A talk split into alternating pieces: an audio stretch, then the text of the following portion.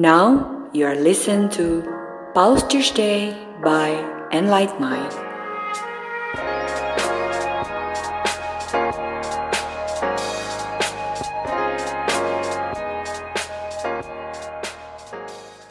Balik lagi di podcast Posters Day by Enlight Mind. Sekarang kita masuk ke episode ketiga, menyambungkan sama topik-topik yang udah lalu. Kita bahas inner child tentang reparenting ourselves.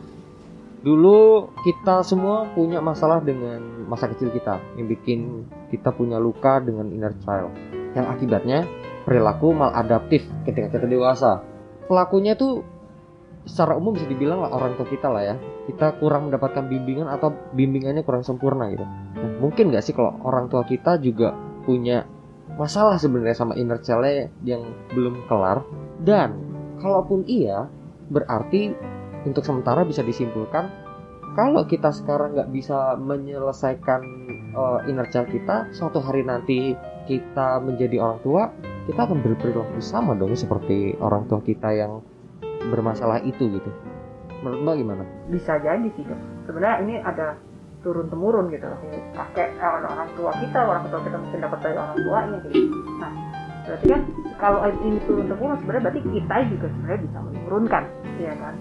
Nah sekarang ini yang memang kita perlu perlu sadari gitu makanya kenapa kita perlu kelola si inner child. Kalau kemarin di bahasan sebelumnya kan kita banyak bahas soal inner child dan kenapa perlu dikelola cara-cara ngelolanya gitu ya kita banyak.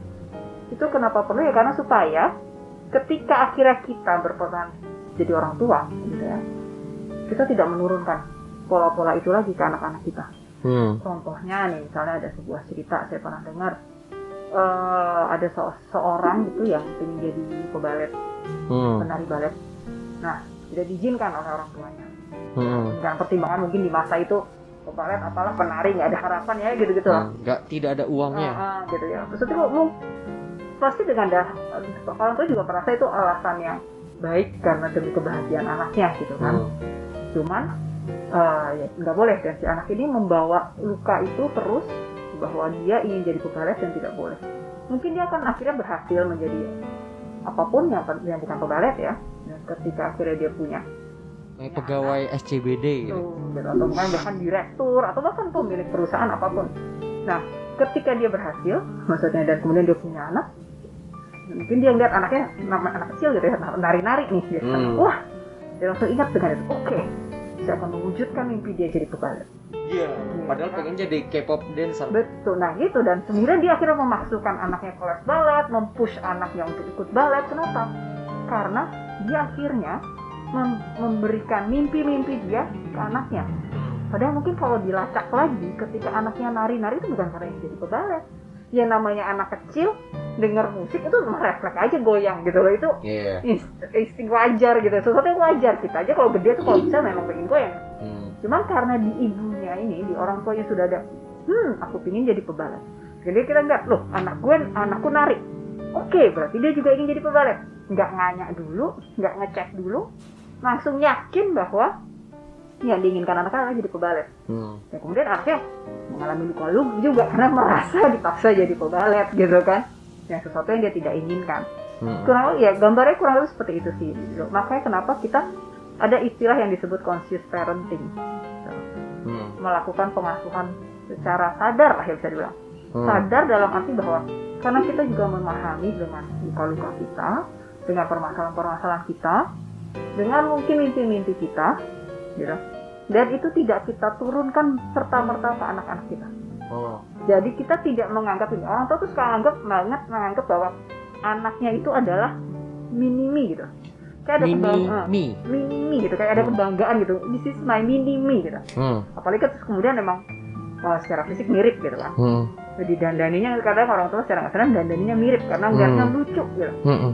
Nah, tapi secara tidak sadar itu kan bagian part lucunya gitu dan dan lucu, ke mana-mana barang barang-barang mirip tapi saya nggak sadar dia juga orang tua ini ketika dia bilang ini minimi dia tuh secara nggak sadar juga memasukkan tadi mimpi-mimpi dia harapan-harapan dia termasuk ketakutan-ketakutan dia hmm. ke anaknya hmm, hmm. padahal balik lagi anaknya ini kan bukan bukan dia gitu anaknya ini adalah individu individu sendiri gitu yang punya kebebasan berpikir punya keinginan iya.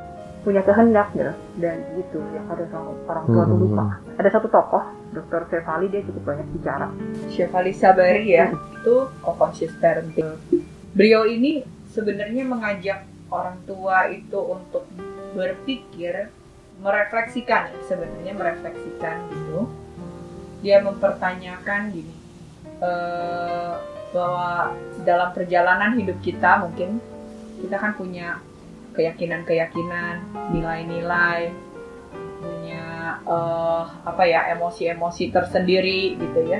Yang tadi Dodo bilang tuh mungkin didapat dari orang, Orang tua, tua. kita. Mm-mm. orang tua dari orang tuanya tua atas lagi orang tua lagi. sampai ke Nabi Adam. Ya oh, sampai Nabi nggak sejauh itu sebenarnya. Enggak sejauh itu ya? Nggak sejauh itu sebenarnya. Jadi kalau menurut teori transperson enggak bukan transpersonal sorry. Eh, apa? Transgenerasional transgenerasional kok jadi transpersonal transgenerasional psikologi. Eh sampai generasi ketujuh sih. Karena ada Sam- sampai apa eh, jika satu tipenya begini ada kemungkinan sampai generasi ketujuh akan tetap begitu gitu seperti mesin fotokopi Hmm. Oh, gitu ya not karena really. secara DNA mungkin dari generasi ketujuh yang turun ke kita 0,78 persennya gitu ya. Hmm. 0,78 persennya masih ada di kita ya terkait dengan karakteristik kita Kecil ya. kayak gitu gitulah ya. But on the other hand, kalau dipikir lagi kamu juga bertanggung jawab memberikan 0,78 persenmu terhadap tujuh generasi di bawah kamu, Hmm, gitu hmm. kan ya. Nah, 0,78 iya. hmm. kayak kayak di Indonesia ya orang terkayanya cuma 0, berapa persen tapi sangat mempengaruhi Ya nanti akan nyambung ke podcast masalah sosial. Oh, iya, iya, ada Iya, jadi intinya gitu ya. Kayak Dodo cerita lah yang kemarin itu. Kata ayah saya, apa yang saya lakukan ke kamu itu nggak separah yang dilakukan oleh ya sudah membaik sih Sudah- tapi Iya ya. Nah ini eh, memang eh, kalau melihat teorinya gitu di dalam psikologi ada tokoh yang bernama eh, Joel S. Milner ya gitu. Joel S. Milner itu dia mempelajari bagaimana eh, perilaku orang tua itu menurun secara otomatis ke anak-anak walaupun nggak seluruhnya ya tapi tingkah laku tingkah laku contohnya ini khususnya dia memiliki yang maladaptif ya sifatnya ya Hmm. terkait dengan mungkin kekerasan kayak gitu-gitu ya. Kekerasan kan nggak harus pukul juga ya ada yang sifatnya verbal atau emosi yang kayak gitu-gitu atau mungkin pemaksaan atau apa. Tapi salah satu contoh aja misalnya gini katakanlah yang dilakukan kekerasan fisik. Eh, dulu orang tua kita pernah dipukul dengan menggunakan ban pinggang bagian kepala bannya Aduh, ya besi gitu, bagian kepala bannya setelah dia menjadi orang tua kalau dia marah dia ambil ban pinggang yang dia gunakan juga kepala bannya. Nah tapi kan selama ini kita nggak pernah nyolek orang tua kita untuk nanya kok nggak pakai buntutnya? Gitu nggak akan ada yang nanya gitu ya. Tapi rupanya hal ini terjadi karena ada pola di otak bawah sadar kita itu eh, yang dia sebut tadi automatic behavior automatic behavior ya automatic behavior bahwa ketika kita menemui satu kondisi yang memenuhi syarat di mana orang oh anak ini ngeselin anak ini nggak patuh atau apa dulu gitu ya polanya adalah ayah akan mengambil bandingan dan begini cara mukulnya itu tuh nggak perlu dipelajari dengan dihafal Hmm. gitu ya Hmm. Efek ya udah itu udah otomatis ditangkap oleh syaraf-syaraf kita di otak karena sudah diberikan contoh Ya, ya, karena ada mirror neuron yang kalau aku pernah Ah, bilang di podcastnya dulu gitu Iya, ya, iya. eh, membentuk sebuah pola juga di dalam bawah sadar kita, gitu. Hmm. Nah, oleh sebab itu, kalau balik ke di, di bridging dengan inner child gitu ya tadi, jadi perlu nggak sih kita beresin luka-luka di dalam diri kita, gitu? Perlu banget beresin luka-luka dalam diri supaya paling nggak memotong automatic behavior ini. Sehingga ketika kita menjadi orang tua dalam arti yang memang kita punya anak atau memainkan peran parenting pada orang-orang yang kita rawat di rumah kan tadi ada sisi parent juga di dalam atau orang tua dalam diri kita tapi nggak berarti kita harus melahirkan anak nggak. Kita bisa jadi kita ngerawat adik kita yang sakit, tapi kita berperan jadi parent, jadi gitu Atau sebagai senior mahasiswa kita merawat maba gitu ya. Ah ya, kayak kayak ya, sesuai pengalaman Dodo gitu. Dipotong dulu dikit tapi eh, entah kenapa aku merasa kayak issue parenting is not all about parent to their kids Iya. secara darat berarti termasuk eh dari senior ke mahasiswa maba dong kayak nggak ada hubungan darah samsek gitu loh Iya. atau dari senior yang di kantor Atau ke pegawai baru. Misalnya kayak pas dari supervisor ke timnya karena dia Hmm. harus kerja kerja harus harus harus so parenting issue is not always about uh, unit keluarga unit keluarga kecil itu bukan ya? Iya, dalam arti yang luas bisa jadi demikian gitu ya. karena ada apa tadi namanya mirror neuron. Di Iya. mana kita uh, mengcopy paste perilaku perilaku terdahulu kita. Entah Iya, orang tua betul. entah senior entah atasan gitu-gitu ya dan balik lagi kan kita kan ada sisi parent juga tadi kalau balik ke inner child yes kita ada sisi parent ya yang yes akan muncul ketika memang lagi diperlukan gitu. betul entah ke siapa ya bisa Hmm, hmm, hmm, hmm. memang kalau ke anak jadi berasa ya karena Iya. misalnya ini anak Hmm, nah, dan hmm. Tiap hari tinggal sama kita. iya iya iya Ah, nah, itu jadi lebih uh, fenomenanya lebih jelas mungkin ya iya, iya. Dan Hmm, yang menjadi lebih sulit Iya, sebenarnya Menjadi lebih sulit. Dalam kasus ini parenting terkait juga uh, secara lebih spesifiknya Hmm. hmm, kepada peran orang tua dalam membesarkan anak. Hmm. Tapi kalau misalnya dia belum mengelola dirinya dan luka-luka yang ada di dalam dirinya. hmm, hmm, hmm. Intinya adalah bagaimana kita bisa optimal mendengarkan anak kita yang notabene adalah sosok yang mungkin secara fisik terpisah dari kita. Kita nggak ngomong level energi ya, kita ngomong level fisiknya memang terpisah dari kita. Tapi eh, kita sendiri tidak pernah menyediakan waktu untuk mendengarkan diri saya sendiri gitu loh. Intinya gitu ya, gimana Hmm. saya bisa dengerin kamu kalau ke diri saya aja saya nggak pernah dengerin diri saya. Hmm, hmm, Gitu. hmm. atau menguji mungkin men-challenge. Hmm, hmm, hmm, hmm. belief-belief ya Hmm. nilai-nilai emosi-emosi yang ada dalam diri saya gitu. Kenapa kok saya gini? Kenapa kok saya gitu? Gitu misalnya. Saya nggak pernah nguji tapi satu teori kan teori kalau kita sekolah kan harus diuji dulu kan ya Do, ya. Diuji baru sahih gitu. Hmm, hmm. sahih. Kalau nggak diuji artinya dia nggak bisa digunakan untuk untuk digeneralisasi gitu nggak bisa Iya. Nah, kebayang ya kita jadi orang tua, kita nggak pernah menguji belief-belief kita, emosi kita, keyakinan kita, tapi kita akan membesarkan seorang anak yang kita masukkan belief-belief kita itu. dan kenapa tadi aku juga bilang lebih sulit dok karena aku menemukan pada parent-parent maksudnya Pada orang sebagian besar lah ya orang tua orang tua ini sebenarnya basicnya adalah mencintai arti Iya, iya. mereka makanya ketika dibilang misalnya kan kita suka ketemu tuh misalnya cara pengasuhan yang baik misalnya gitu misalnya, jangan tegur anak atau misalnya gitu lah yang saya Jangan memarahi. boleh dimarahi, gini, gini. Misal, banyak orang tuh bilang tapi kan aku ingin gitu gitu Tetap Mm-mm. bahwa aku melakukan itu karena ingin yang terbaik buat Mm-mm. si anak-anakku ini gitu. Hmm, nah memang balik lagi tadi ya seperti kata Alfi memang iya tujuannya baik untuk Mm-mm. kebaikan si anak-anak hmm, hmm. memang masalahnya si orang tua ini kan juga tidak pernah mengevaluasi Hmm, hmm, tidak hmm. pernah melihat apakah nilai-nilai yang dia punya itu cocok baik Mm-mm. untuk anak-anak Iya, iya, iya. apakah eh, apa value-value gitu itu Hmm, hmm. plus belum jangan lupa sering kali orang tua lupa yang dia tanamkan yang menurut dia baik itu juga didasari oleh ketakutan dia contohnya misalnya gini yang paling sering tuh sekarang karena sekarang lagi sekolah online ya banyak banget orang tua nanya soal dengan kualitas pendidikan bagaimana menghadapi anak ketika kuliah sekolah online kayak gitu ya. Hmm, kalau di setelah-setelah itu banyak yang berangkat karena mereka punya ketakutan. Iya. ketika anak sekolah online anak nggak bisa nangkep pelajaran dengan baik. Hmm, hasil ketika nggak nangkep pelajaran dengan baik nilai jeblok. Hmm, hmm. nilainya nggak baik gitu lah ya. Hmm. nilainya nggak bisa 100 mungkin seperti dulu nah, nah pertanyaan berikutnya yang perlu nilai 100 itu siapa sih Gitu. Hmm. apakah iya benar anak kita perlu nilai Jangan-jangan sekolahnya biar dapat akreditasi. betul Iya. atau, atau kedua jangan orang tuanya karena mungkin di dia misalnya gitu mungkin dari kecil diajari bahwa kamu nilainya harus selalu ranking Hmm. kamu harus selalu yang terbaik karena kalau nggak terbaik kamu nggak berhasil Hmm. kamu nggak jadi orang gitu, Hmm. gitu.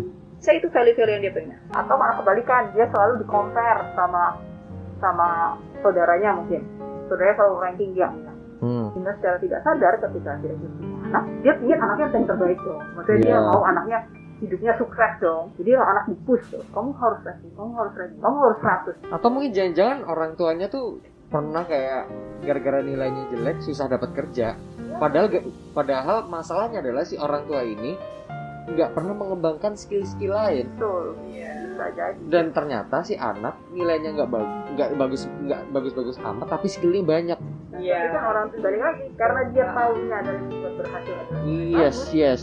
si orang tua ini kan ya itu kata aku tidak meng, apa tidak mengelabui lagi ya bahwa ternyata zaman sekarang itu nilai iya penting tapi kan nggak harus 100 mau memenuhi aspek naik kelas tapi dia mengembangkan yang lain dan ternyata dia bagus di situ kita bisa voting gitu gitu kan Heeh. nah itu nggak ada di dia gitu nggak ada di, di orang tua tuh nggak ada pemahaman itu kenapa karena ya dia tahu ya dapetnya gitu Heeh. mau berhasil nilai bagus Heeh. Padahal sebenarnya kalau kita sebagai ini ya kita hebat menemukan klien-klien yang sebenarnya kayak kata Dodo mungkin berprestasi ketika sekolah ketika kerja malah akhirnya jadi orang masalah Heeh. karena ya selama ini fokus ngejar nilai gitu Heeh. Heeh. Gitu.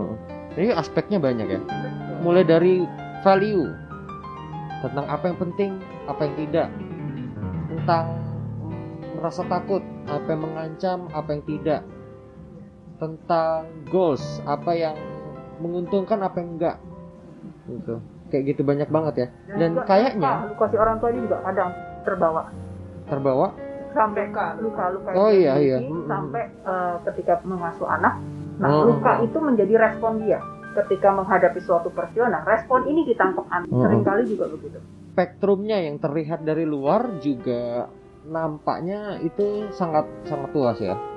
Jadi tadi kita ngomongin soal parent issue with the caring family, tapi kurang pas aja gitu.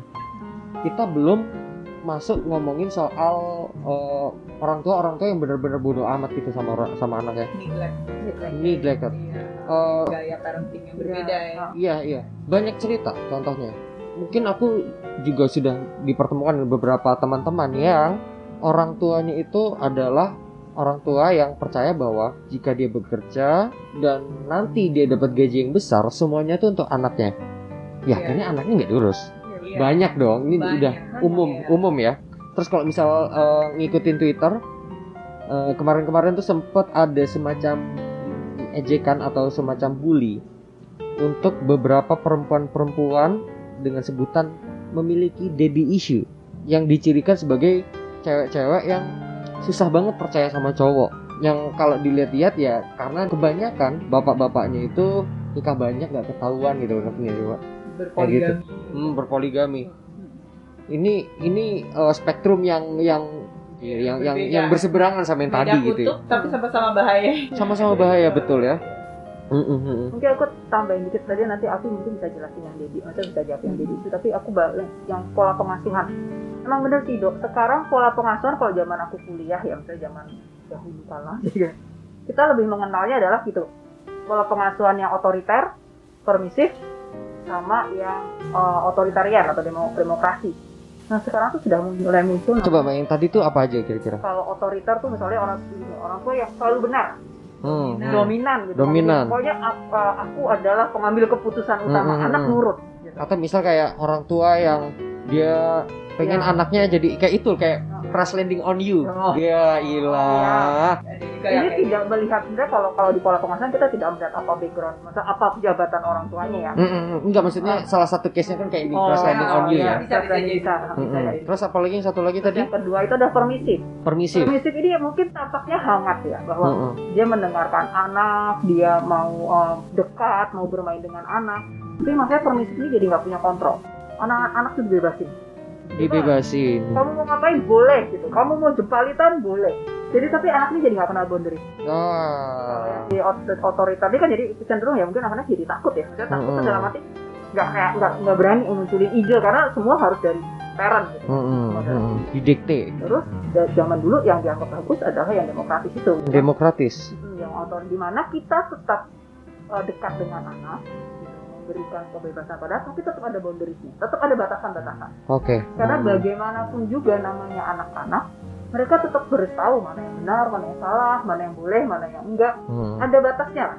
Mm, dalam arti ya kayak gitu misalnya oke kita boleh bermain misalnya hmm. tapi kalau kamu udah mukul kepala orang tua ya tetep dong Itu kan ada etika ada sopan santun gitu kan tetap tahu gitu bahwa Iya. oke kita memang bermain bisa bareng bisa ketawa tapi ketika misalnya anak-anak si anaknya ngomong ketika orang tua kata-kata yang kasar ya tetap harus ada yang nggak boleh gitu iya kayak gitu jadi tetap harus ada boundariesnya nah sekarang ini aku nggak tahu sih berapa tahun terakhir ya, mulai muncul itu yang tadi Dodo bilang apa itu pola pengasuhan yang di bahasanya uninvolved tidak, uninvolved tidak Tidak terlibat terlibat. jadinya Mm-mm. kayak Gimana? punya bapak tapi nggak punya bapak kayak punya ibu tapi nggak punya Ya, ibu jadi gitu. dibilang gini, orang tua sih mungkin akan hadir maksudnya ada lengkap Mm-mm. memenuhi semua kebutuhan fisik kita Mm-mm.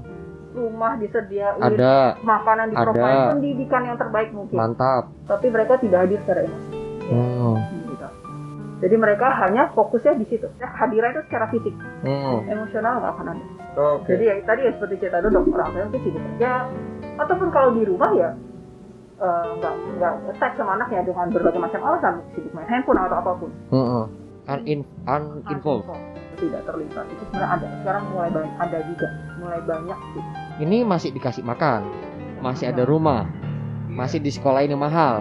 Kalau yang di sekolahin enggak, rumah nggak jelas. itu Itu udah masuknya neglect. plus-plus Ah, lagi. Apa itu istilahnya?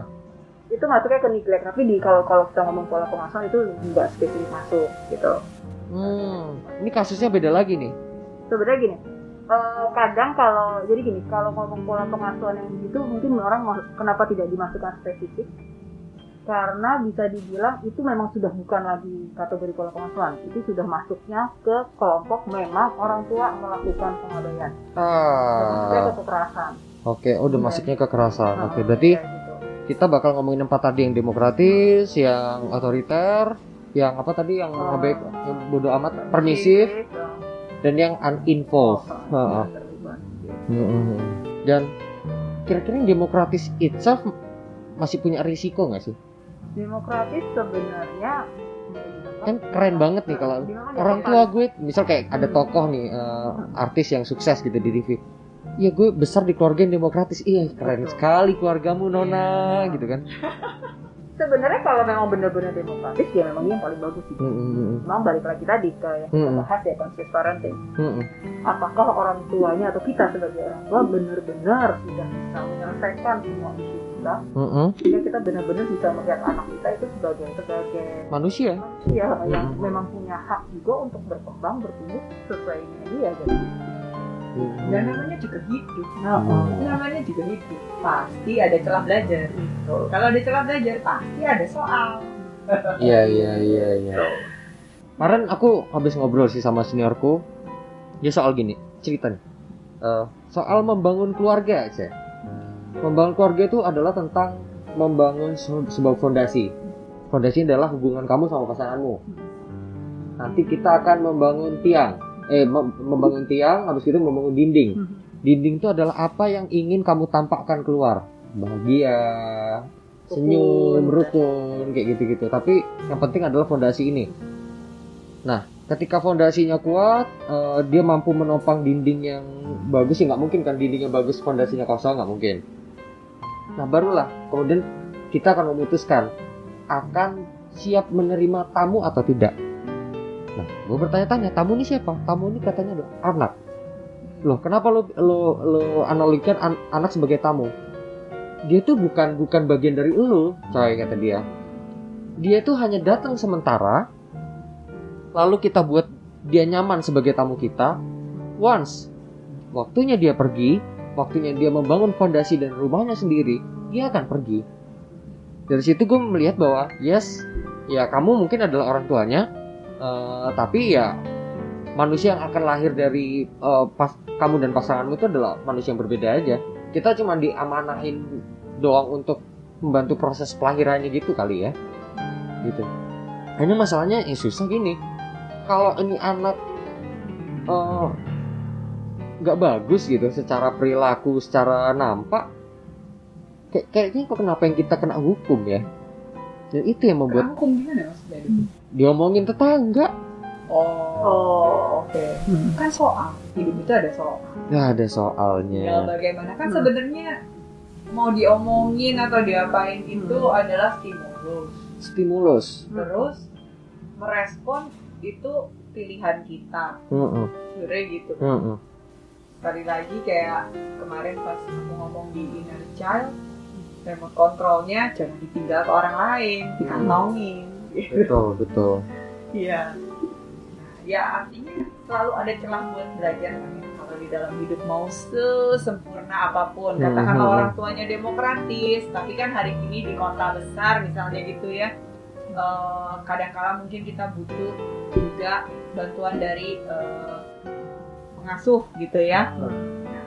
Tapi ada aja nih misalnya pengasuhnya melakukan kekerasan misalnya gitu-gitu Hmm. ya. Kan itu masuk di dalam masa kecil iya. dia juga betul gitu betul ya. betul. Ha-ha, atau bukan dia katakanlah kalau tadi yang eh, Dodo bilang ini benar-benar diabaikan banget gitu yang mungkin secara ekonomi kurang ya secara ekonomi kurang. Jadi memang eh, di neglect juga terus eh, hadir secara fisik juga nggak pernah gitu ya. Mm-mm. bisa aja dari tetangga Mm-mm. atau bulian dari teman-teman di sekitar rumah Nah, Iya. ada aja pasti akan selalu ada hal yang kita perlukan ya di sini dan Mm-mm. mau sesempurna apa pun kita sudah menjadi orang tua gitu ya Ru. Mm-mm. belum lagi juga karakter anak gimana gimana anak kan balik lagi anak punya karakternya sendiri kan ya Saya orang tua udah- 0,78 persen bu dari Oh. generasi ketujuh iya mau iya seberapa Iya. jauh dibenerin Iya. Gitu. Kita misalnya udah demokratis banget sih tiba-tiba lah kok anaknya tetap aja misalnya gitu kan Iya. kita hanya udah gak marahin udah nggak kok tetap ya dia mikirnya kadang gitu Mm-mm. Cuma ya balik lagi sih gitu balik Hmm. lagi adalah ketika kita aware bahwa oke ini mungkin ada ya ada persoalan gitu termasuk ya tadi yang si Afi bilang ada yang diturunkan dari generasi-generasi sebelumnya mungkin Mm-mm. termasuk ketakutan-ketakutan di, di anak kita Mm-mm. ketika kita aware itu kita yang kita bisa rubah adalah Mm-mm. Merubah responnya respon ya? Ketika merubah responnya menghadapi hal yang sama. Iya. Gitu, atau hal yang kurang lebih mirip. Iya. Nah, respon yang berubah ini dampaknya bisa beda. Hmm. nah, respon nah, seperti apa ini? Nanti mungkin di conscious ya, parenting. nanti ya nextnya Detail. ah, lebih detail lagi. Ah eh, kita bakal lanjut di episode selanjutnya. Eh, stay tune ya